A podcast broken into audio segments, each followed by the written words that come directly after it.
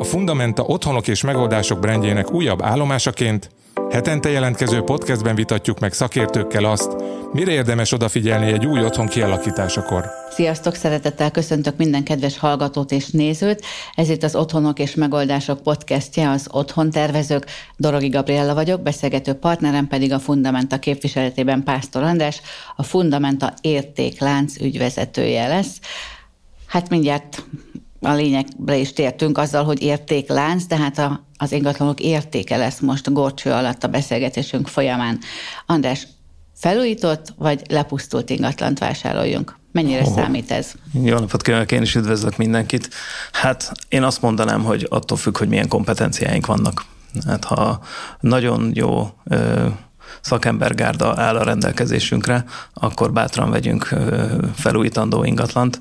Egyébként meg nagyon át kell gondolni, hogy mibe vágjuk a fejszénket. Úgyhogy egy ezermester férj esetleg? Egy ezermester férj, nagyon szerintem hm. igen, határozottan lehet vele komoly költségeket spórolni, hogyha valóban ért hozzá. Kicsit komolyra fordítva a szót, ugye sose volt ez egyszerű, tehát én a szüleimtől is mindig azt hallottam már, hogy, hogy nem lehet jó szakember találni, de úgy gondolom, hogy azért az elmúlt időszakban ez, csak ez a helyzet ez csak fokozódott, akár nemzetközi szinten, akár itthon. Valóban nagyon nehéz jó szakembert találni, úgyhogy ez egyébként meg is látszik az ingatlanoknak az áraiban. Tehát akkor javaslod a felújítandó ingatlant, akkor, ha vagy van egy ezermester a családban, vagy már előre tudjuk azt, hogy van egy jó szakembergárdánk. Így van, de nagyon sok függ a lokációtól, hogy, hogyha egy picit így belemegyünk számokban, szerencsére most már megvannak a, a KSH legutóbbi népszámlálásának az adatai, és hát azok azt mutatják, hogy van 4,6 millió ingatlan itt Magyarországon. Azért lesz, hogy így belegondolunk, hogy 10 millió környéki lakosság mellett az egy elég komoly szám, és ráadásul számomra viszonylag meglepő módon az elmúlt években meg is növekedett a dinamika, majdnem 4,3%-kal növekedtek az új építésű ingatlanok. Ugyanakkor ezzel együtt a, ha a teljes ingatlan állományt nézzük, így összességében mégis azt kell, hogy mondjuk, hogy elavult. Csak egy ilyen riasztó adatot mondanék szintén itt a, a cenzus alapján, hogy közel annyi ingatlan épült az, e, a második világháború előtt, 45 előtt, mint amennyi 2000 után. Tehát mind a kettő 14 százalék, és 1980 előtt épült az egész lakásállományunknak a kétharmada.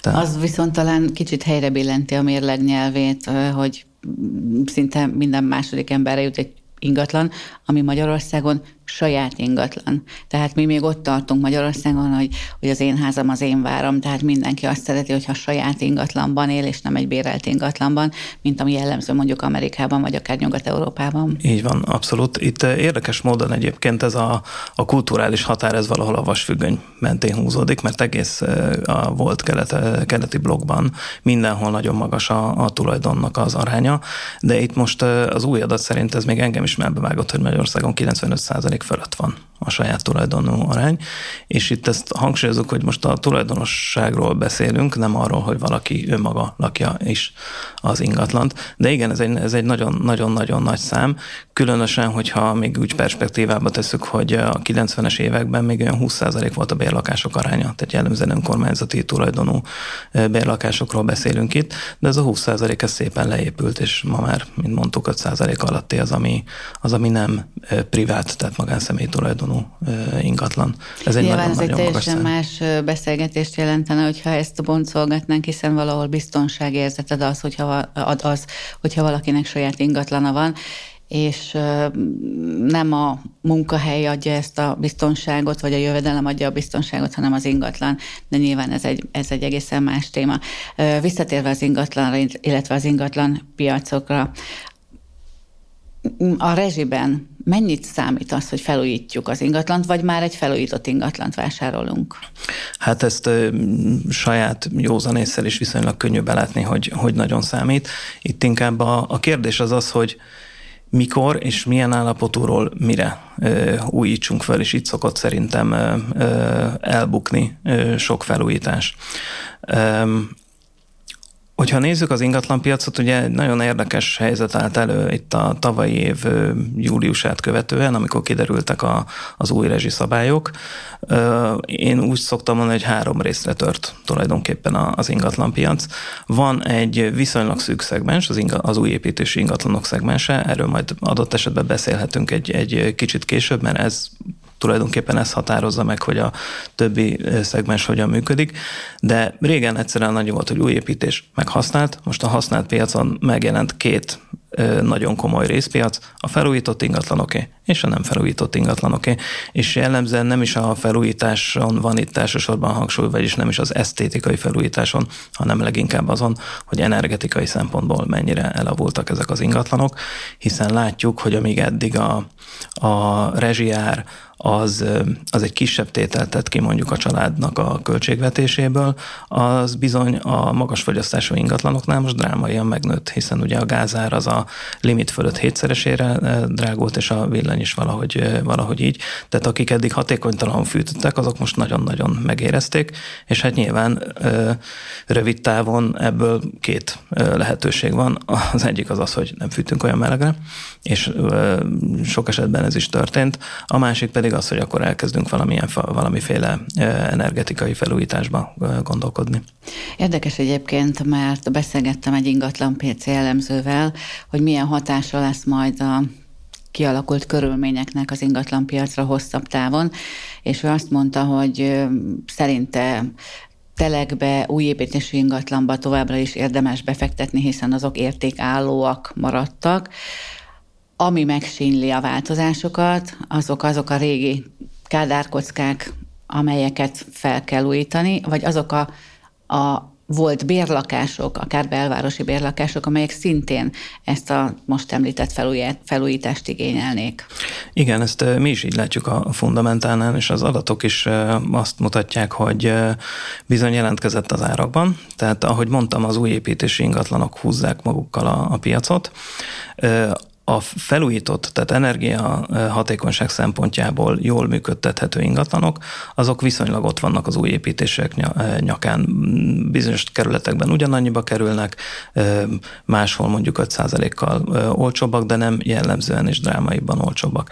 Ellenben, és főleg ez vidéken jelentkezik, majd arra is egy kicsit később kitérek, hogy miért, a felújítatlan ingatlanok, ahol most felújítatlanként hivatkozom rá, de ezt értsük úgy, hogy energetikai szempontból elavultak, ott bizony nagyon komoly diszkontok jelentek meg, a, még a nagyobb városokban is 20% környékén, és szinte mindegy, hogy lakásról vagy házról beszélünk. Vidéken pedig nem ritka az, hogy ilyen 30-40 százalékos árcsökkenés áll be, vagyis hát akkorára nyílik az árolló a felújított meg a felújítatlan ingatlanok kapcsán. Nagyon érdekes azért az, hogy ha valaki felújításban gondolkodik, akkor végig számolja-e azt, hogy mikorra fog nekem megtérülni az a beruházás, amivel komfortosabbá tettem az otthonomat, élhetőbbé, energiatakarékosabbá, energiahatékonyabbá, egyáltalán megéri-e nekem felújítani, ha igen, ugye mennyi idő alatt, ahogy említettem, illetve, hogyha tudja, hogy ez nem a végső állomás, mert el fogok majd költözni, majd még ezután tervezünk gyerekeket, nyilván egy nagyobb otthonra lesz szükségünk, akkor nem is érdemes felújítani. És a harmadik, meg amin én szoktam gondolkodni, az, hogy, hogy egyáltalán visszajön-e nekem a befektetésem, hogyha felújítok egy ingatlant, akkor, ha tudom, hogy én ezt el fogom adni. Igen, és ez tulajdonképpen ezzel is kezdtük, hogy van-e ezermester vagy hozzáértő a, a családban. Ha van, ha nincs. Én azt gondolom, hogyha valaki felújítandó ingatlan vásárlásába vágna a fejszét, akkor mindenképpen megéri, üljön le csöndben, vegyen elő egy tiszta lapot, és kezdjen el számolni. Ugyanis a felújításnak ugye nagyon komoly költségei vannak, még úgy is, hogyha minden flottul megy, hiszen most tehát tegyük fel, még szakembert is találtunk, a szakember is drága lesz, az anyag is drága lesz, és mindig vannak váratlan költségek. Ez ilyen érdekes, de pont édesapámmal beszéltem múltkor, hogy amikor ő építette a házat, akkor is 50%-kal szaladt túl a költségvetés, meg az én esetemben is, tehát vagy mind a kettő rosszul tervezünk. Bár szokott lenni a, az, az átlag. Attól függ, hogy mit számolunk bele, amikor mondjuk egy kert is közben jön, akkor már könnyen, könnyen gurulnak Nyilván. a forintok. Tehát, hogy mindig van valami váratlan helyzet, ami, ami, amire készülni kell, tehát túl kell tervezni a, a költségvetést. És igen, sajnos szerintem manapság már nem lehet megspórolni azt, hogy végig számoljuk azt, hogy a, az elért állapotban ott mondjuk mennyit fog fogyasztani az ingatlan. Tehát ha más nem, akkor erre vannak irányszámok, mondjuk egy energetikai tanúsítványban nagyjából be lehet lőni, hogy milyen kategóriába fog esni az ingatlan a felújítás végére. Ahhoz meg lehet nézni, hogy körülbelül milyen fogyasztással érdemes számolni lehet ennél precízebben is, de mindenképpen érdemes legalább fejben vagy egy, vagy egy papíron végig számolni, hogy mennyi lesz a kiadásunk vele, mert egyáltalán nem biztos, hogy a, mire itt a számolás végére érünk, addigra még mindig ez lesz az olcsóbbik megoldás, mint, a, mint hogy megvenni a felújított ingatlant. Persze, és ez is nyilvánvaló, nem mindenki teheti meg, tehát van, aki egész egyszerűen nem tudja megfizetni a felújított lakást, vagy, mert hogy bizonyos területeken ez is előfordulhat, egyszerűen nincs olyan kínálat, mert mondjuk az ilyen típusú lakások nem kerülnek a piacra. Ki szokták azt egyébként számolni az emberek, hogy a felújítás, ha én ott akarok maradni hosszú távon, akár életem végéig, hány év alatt fog nekem megtérülni, vagy ilyet nem is szabad számolni? Hát szerintem én nem nagyon találkoztam még ilyennel, így fogalmaznék. Általában addig sokan eljutnak, hogy egy felújítási költségvetés legyen. Hogy a, azt aztán nekiállunk-e diszkontálni, és a jövőbeli hozamokkal összevetni, az már egy nehéz kérdés. Mert a napelemeknél azért ez észrevehető. Érdekes módon a napelemeknél ezt csinálják. Ugye? Igen, a napelemeket azt a, a hazai piacon azt szinte kizárólag ilyen hozam alapú igen, számítással igen. lehetett eladni, holott szerintem nem ö, ö, mellékes az se, hogy, hogy milyen módon termeljük meg a, a saját áramunkat. Nyilván az itthoni szabályozás mellett az, hogy teljesen önmagamra termelek, az egy kicsit korlátos, illetve nem jelenik meg, hiszen amikor mondjuk a ha vagy hálózatra táplálok, vagy szigetüzemben gondolkozok, ha hálózatra táplálok, akkor nem vagyok olyan szempontból a magam ura, hogy nem lehet kényemre, kedvemre kibe kapcsolgatni. Ezzel együtt igen, a napelem az, egy, az, az mindig is egy ilyen megtérülés alapú számolás volt. De ha már a napelemet említettük, hát egy, egy rosszabb állapotú ingatlannál szerintem érdemes végigmenni azon, hogy energetikai szempontból mit érdemes felújítani, és egyébként nincsenek nagy csodák, hiszen úgy kell elképzelni egy házat vagy egy lakást, mint egy nagy dobozt, és akkor meg kell nézni, hogy a doboznak a különböző oldalai, azok hogyan vannak védve, úgymond a hőveszteségtől, hát ezt hőszigetelésnek szokták ugye mondani. Na most a, a padlóval lehet a legkevesebb, legritkábban tenni, nyilván az a legköltségesebb, meg ott lehet talán a legkevesebbet fogni, bár én laktam olyan lakásban, ahol alattam egy üzlet volt, amit nem fűtöttek, és az rémesen kellemetlen tud lenni, de hát azért az egy elég nagy beruházás, mondjuk egy, egy padlószigetelés, és mondjuk egy szabadon álló ház esetében nem is itt szokott lenni a legnagyobb probléma. Ami viszonylag triviálisan adja magát, az az, hogy a hő ugye fölfele száll, tehát a, padlást, vagy hogyha beépített tetőtér van, akkor a tetőt azt érdemes szigetelni, és ezen elég komoly mennyiségű hőt meg is lehet spórolni. Utána jön a, a homlokzati szigetelés, illetve a, az ablak, hát ez részben ízlés dolga, hogy, hogy ki melyikkel kezdi, meg részben a, a lehetőségeknek a dolga, de akkor nagyjából már körbeértünk, tehát a külső falakon már, már nem szökik a hő, és akkor utána jön ugye a, a a nyílászárok. Nyílászárokon, ha túl vagyunk, akkor ugye a fűtés még az ami, az, ami érdekes. Bár vannak olyan esetek, amikor hamarabb éri meg a fűtést lecserélni, mert annyira hatékonytalan, és, és később szigetelni, de jellemzően a, a fűtést azt a végére szokták hagyni, hiszen addigra látszik, hogy mi az energiaigénye az adott ingatlannak. Hogy megváltoztak a szempontok az energiaválság óta, hiszen korábban azt mondták, hogy inkább veszek egy lepusztult lakást, mert mert, mert lehet, hogy ha múlt héten tették fel a csempét, és leverem, mert nekem nem tetszik. Ezeket a szempontokat most jóval felülírják, ezek a gazdasági szempontok, hogy melyiket érdemes, és mikorra fog nekem megtérülni, illetve érdemes akkor, hogyha tudom, hogy pár éven belül el fogom adni, visszajön-e nekem mondjuk az ingatlan kért árában az, amit én belefektettem. Igen, igen. Korábban ez nagyon érdekes, mert a, a valamiért a, az ablakcsere az ilyen nagyon népszerű volt részben, valószínűleg azért, mert lehetett támogatást kapni, vagy mert nem tudom, egy ilyen viszonylag elérhető dolognak tűnt. A többi az, az nem volt annyira, annyira kúrens dolog, és sokszor az történt, hogy hamarabb költöttünk esztétikai dolgokra, mert mondjuk a jobban kinéző fürdőszoba az többet nyomott alatban, mint mondjuk, hogy ne szökjön a hő a, a hátsó falon. Most csak mondtam egy példát. Ezek megfordultak valóban, csak hát ugye közben a, a gazdasági helyzet is olyan, mint ahogy beszéltünk róla, hogy nagyon nehéz szakembert, és még nehezebb jó szakembert találni, aki ráadásul még határidőre is, meg aki alkodott áron végrehajtja a feladatokat, ebben, ebben azért vannak nehézségek.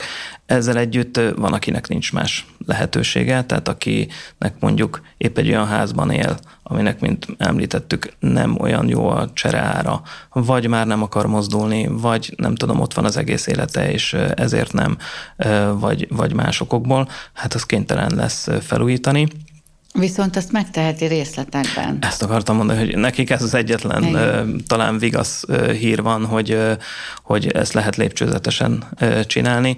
Nyilván viszont a lépcsőzetes haladásnak meg az az ára, hogy addig akkor a, a teljes porolás az nem fog azonnal jelentkezni. A felújítás nyugodtan mondhatom egy gyűjtő szó, egy gyűjtő fogalom mert hogy nagyon sokféleképpen lehet, és nagyon sok szinten lehet felújítani. Melyek a legtipikusabbak, amiket az emberek igénybe vesznek, és ezek úgy átlagban mennyibe kerülnek? Hát árat azt nem biztos, hogy merek mondani a jelenlegi a tűzépes sem, mert azt ugye, hogy holnap már más lesz az igen, ára. Igen, igen, vannak most már olyan helyzetek, hogy bizonyos termékeknek napi ára van, hogyha lehet kapni de mondjuk ilyen nagyságrendet akkor merjünk, és előre bocsát, vagy mondjuk beszéljünk egy ilyen átlagos, mondjuk egy 80 négyzetméter alapterületű önálló házról. Hát sajnos az a helyzet, hogy mindenképpen milliókkal kell kezdeni.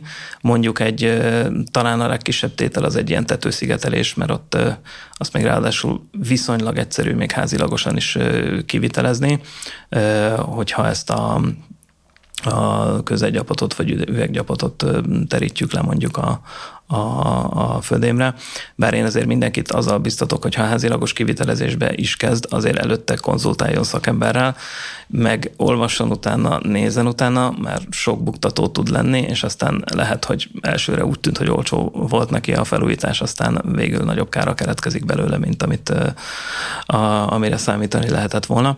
De mert mondjuk, ha mondjuk cuki kis mókusok költöznek be a szigetelésbe, akkor egy igen, idő múlva nem biztos, hogy azt a célt fogja szolgálni, amire tervezték. Például az is, az is előfordulhat, igen, de, de, de lehetnek más, más buktatók is.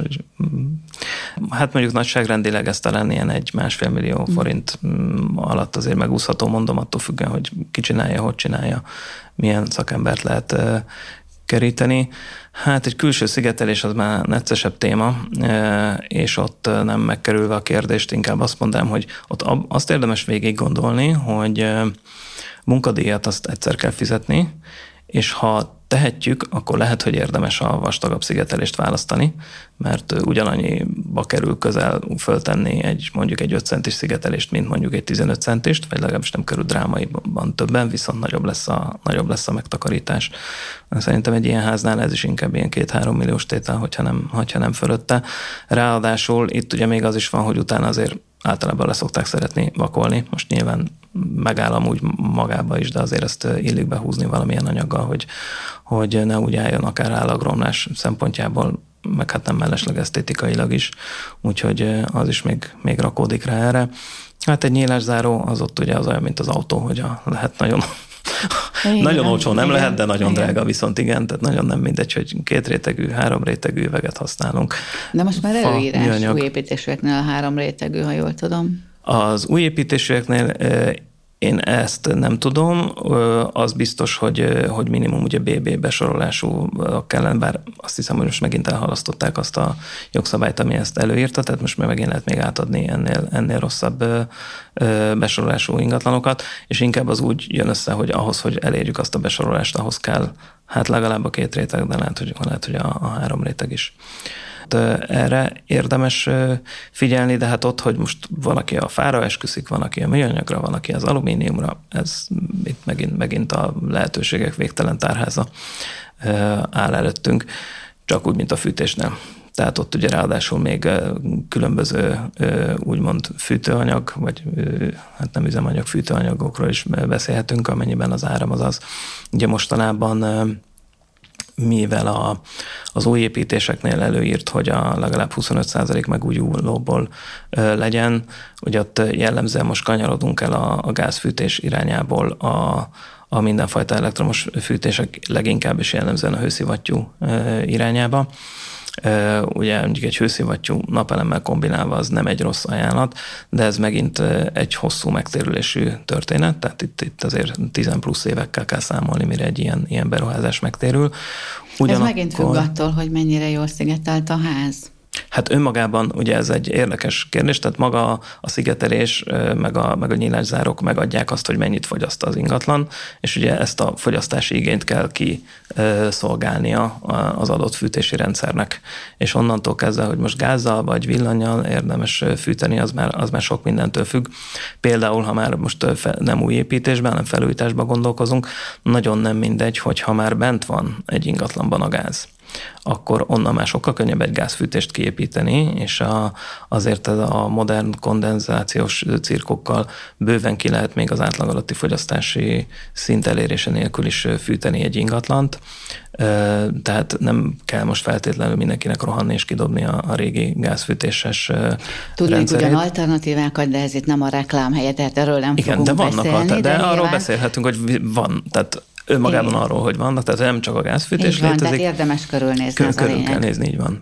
Van elektromos, nyilván vannak mindenféle kandalók, tehát rengetegféle lehetőség van, hogyha fűtésben elkezdünk gondolkozni, és akkor még arról, ez még egyenlőre csak arról beszéltünk, hogy mi szolgáltatja a fűtés, de a hőleadókról, hogy most radiátor, vagy most nyilván a, a modernebb technikák, mind a hőszivattyú, mind a kondenzációs kazán az, az nagyobb barátja a padlófűtésnek, vagy adott esetben a falfűtésnek, mert nagy felület kell, mert az alacsonyabb előre menő ami elektromos. Így van, hát aztán, és, és még ezeknek a kombinációi is előfordulnak, igen.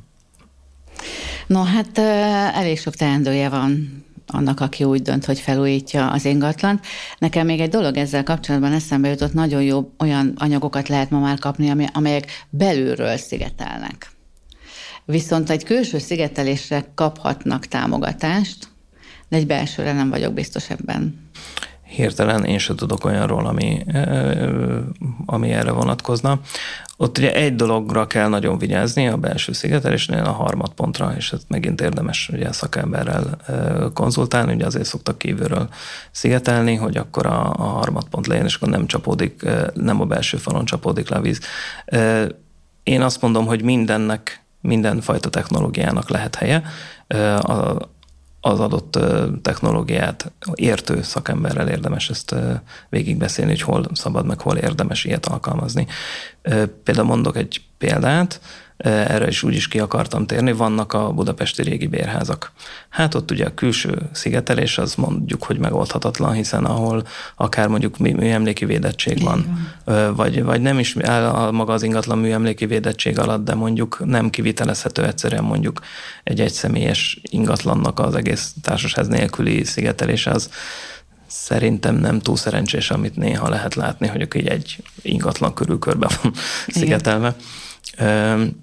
Hát ott nagyon más megoldás nincsen, mint valahogy belülről megoldani, de azt nagy odafigyeléssel és nagy szakértelemmel kell végezni, mert hogyha a belső szigetelés mögött elkezd vizesedni a fal, vagy valami más probléma alakul ki, akkor azzal nagyon nagy költsége lehet a, a végén az embernek. Ezt csak úgy csúgom a hallgatóknak, nézőknek, hogy érdemes utána járni annak, hogy parafa burkolatot rak valaki, három milliméteres uh-huh. parafa, amit egyébként tekercsben lehet kapni, az ugye lélegzik is. Uh-huh. Így van, pont ez a trükk Az benne. például egy 10 centiméteres téglafal hő és hangszigetelését uh-huh. képes produkálni, úgyhogy mindenre van megoldás, de az a fontos, hogy kérjük ki szakemberek véleményét. Meg a pénztárcánk bírja. Így van. Mi a helyzet a felújításoknál akkor, amikor albérletről van szó? Tehát érdemes akkor is felújítanunk, ha egyébként kiadjuk az ingatlant? Szerintem igen. Itt mindig a célhoz kötöttséget kell valahogy végig gondolni. És albérletnél ezt talán már mondtam máskor is, hogy a albérletnél jellemzően szerintem azért adunk ki albérletbe egy ingatlan, azon szeretnénk valamilyen bevételt realizálni. És hát ilyenkor, ha nem mindegy nekünk, hogy mennyi a bevétel, akkor érdemes azzal játszani, hogy mennyi a rezsi. Mert uh, itt ugye egy albérlő szemszögéből megnézem, és ilyen szempontból mindegy, hogy most rövid távú bérlő vagy hosszú távú bérlő, hát ő neki általában van egy fix összege, amit arra szán, hogy ezt a, a, a bérletet ebből finanszírozza, de neki igazából mindegy, hogy ennek egy részét a rezsire költi, vagy ennek egy részét a lakhatásra költi. Most nyilván lehetnek extrém példák, de, de alapvetően minél energiahatékonyabb egy ingatlan, annál több marad meg nekünk bérbeadóként. És sajnos itt sem, tehát ha tudatosan akarjuk csinálni, akkor itt sem megúszható a matek. Meg kell nézni, hogy egy milyen felújítással, milyen fogyasztásig tudunk eljutni, és akkor az alapján egy albérletnél meg hát úgy mondom, hogy szinte kötelező ezeket a számításokat elvégezni, mert ott nincsen előszereteti érték, ott, ott nem magunknak csináljuk, hanem, a, hanem, a, hanem kiadásra adjuk az ingatlant, akkor azt kell nézni, hogy minél hatékonyabb legyen. Úgyhogy ki kell számolni, hogyha belefektetünk, mit tudom, 3-4 millió forintot egy albérletnek a felújításába, akkor azt milyen futamidő alatt mennyiben fogjuk visszakapni. És ha kijön pozitívra, akkor hajrá csináljuk, ha nem jön ki pozitívra, akkor újra kell számolni. A szempont egyébként azoknál, akik albérletet keresnek, hogy az adott ingatlan felújított-e?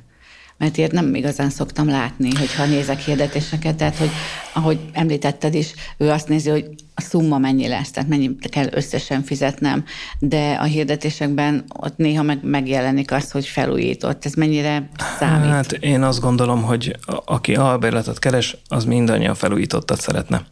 Az mindig egy Mert anyagi kompromisszumnak a következménye. Hogy, hogy nem. fenntartani, de nem tudja, hogy egyébként a, akkor az albérlet árába már beépítette a tulajdonos. Tehát Igazából ez ilyen rókafogta csupa. Hát igen, de olyan szempontból, hogy az, úgy közelítem, hogy szerintem senki nem akar önszántából egy rossz minőségű ingatlanba költözni. Ha oda költözik, akkor ez valamilyen kényszer hatására teszi, jellemzően azért, mert mondjuk ott annyi a, a rezsi, vagy nem ott annyi mondjuk a bérleti díj, amennyit ki tud gazdálkodni, és igen, valószínűleg ennek az az ára, hogy egy nagyobb rezsi van, de ott még jöhetnek az egyéni preferenciák, hogyha nekem elég a 18 fokra fűtött ingatlan, vagy tudom, hogy rendkívül ö, ö, megbízhatóan mondjuk, amikor elmegyek, akkor lecsavarom a fűtést, és nem felejtem úgy, és ezeken sok pénzt tudok spórolni, akkor lehet, hogy megéri egy ilyet. Akkor, amikor az ember matekozik, hogy fel kéne újítani, biztosan spórolnánk a fenntartással, ennyibe kerülne a felújítás, még azt is kiszámolja, hogy mennyi idő alatt térül meg, de nincs a pénztárcájában nem áll rendelkezésre annyi pénz, amennyit igényel egy felújítás. Megtérül akkor is, hogyha mondjuk ezt valaki egy hitellel pótolja ki? Hát ha valaki idáig eljutott, akkor az már feltételezhetjük, hogy egy rendkívül tudatos ügyfél, és akkor ő neki már ez egy új gyakorlat lesz, hogy a hitelnek a költségét hozzá kell adni.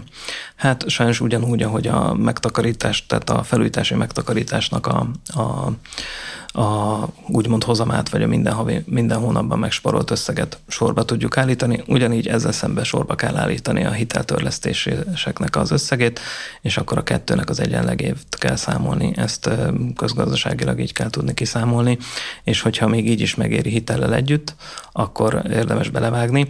Illetve itt még egy dolgot érdemes megfontolni. Most ugye azt feltételeztük, hogy bérbeadott ingatlanokról beszélünk, de ha arra számítunk, és szerintem nincs okunk rá, hogy másra számítsunk, hogy hosszú távon az ingatlannak az ára az növek, növekszik, akkor még adott esetben akkor is megérheti felújítani hitelből, hogyha prompt ö, nem jön ki az pozitívban, mert lehet, hogy nem most, hanem mondjuk tíz év múlva, amikor eladom azt az ingatlant, akkor fogom realizálni azt a hasznot, ö, amit, ö, amit most ezzel a költséggel ö, megszereztem. Végigvettük ugye azt, hogy hogy is néz ki egy felújítás, miért érdemes venni, mikor érdemes venni felújítandót, mikor nem, hogyan csináljunk költségvetést, hogyan tervezzük meg az energetikai felújítást, az hogyan tevődik össze, de hogyan kell gondolkodnunk mindenről akkor, amikor kifejezetten hasznosítani szeretnénk az ingatlan, tehát akkor is érdemes, vagy akkor milyen szempontok szerint érdemes választani felújítottat, felújítandót, hogyha én ezt ki akarom adni, akár egy irodának, akár albérletbe, akár egy vállalkozásnak, bárkinek. Hát tulajdonképpen ott sincs új csoda, ugyanezeket kell végig gondolni, amit, a, amit az előzőekben említettünk. Ott nagyon egyszerűen egy ilyen hozamalapú, vagy költség, költség és hozamalapú értékelést végig kell futtatni, hát ha máshogy nem fejben, de érdemes azért leírni hogy ha már megvan az ingatlan, akkor nyilván a legtöbb adottság, tehát az, hogy mondjuk mennyiért tudom kiadni, meg mik a költsége, azok már ismertek. Ha még nincsenek, nincs meg mondjuk az ingatlan, most tervezzük venni, akkor meg érdemes ezt körüljárni. Ahol veszem, ott mennyire lehet kiadni egy irodát, egy lakást, mennyire gondoljuk az biztosnak, hogy ez hosszú távon így van, tehát mondjuk mit tudom én, ugye tipikus az egyetemek környékén, hát ott szinte biztos, hogy mindig kiadó lehet egy ingatlan viszonylag jó áron, tehát akkor ez, ezt be lehet árazni, és, a, és hát érdemes akkor megtervezni a célcsoportot is, hogy kire lövök, mert nagyon nem mindegy, hogy egy egyetemistára lövök, ha már itt tartunk, vagy pedig vagy pedig mondjuk egy cégnek akarom kiadni, mondjuk podcast stúdió céljából az adott ingatlan, mert úgy kell felszerelni, meg akkor úgy kell keresni a lokációt is, meg, a, meg az egyéb paramétereit is. Tehát szerintem, aki, aki ö, ö, üzletszerűségben gondolkozik, annak ezeket a dolgokat kötelező végig gondolni. Tehát akkor összességében összefoglalhatjuk úgy, hogy nem az a kérdés, hogy megérje felújítani vagy sem, hanem most már csak az a kérdés, hogy mennyi idő alatt térül meg. Így van, és ez egy fontos kérdés. Köszönöm szépen, hogy vendégem voltál. Köszönöm én Nektek is. pedig a figyelmet, tartsatok velem egy hét múlva, és újabb izgalmas témával várlak benneteket. Sziasztok!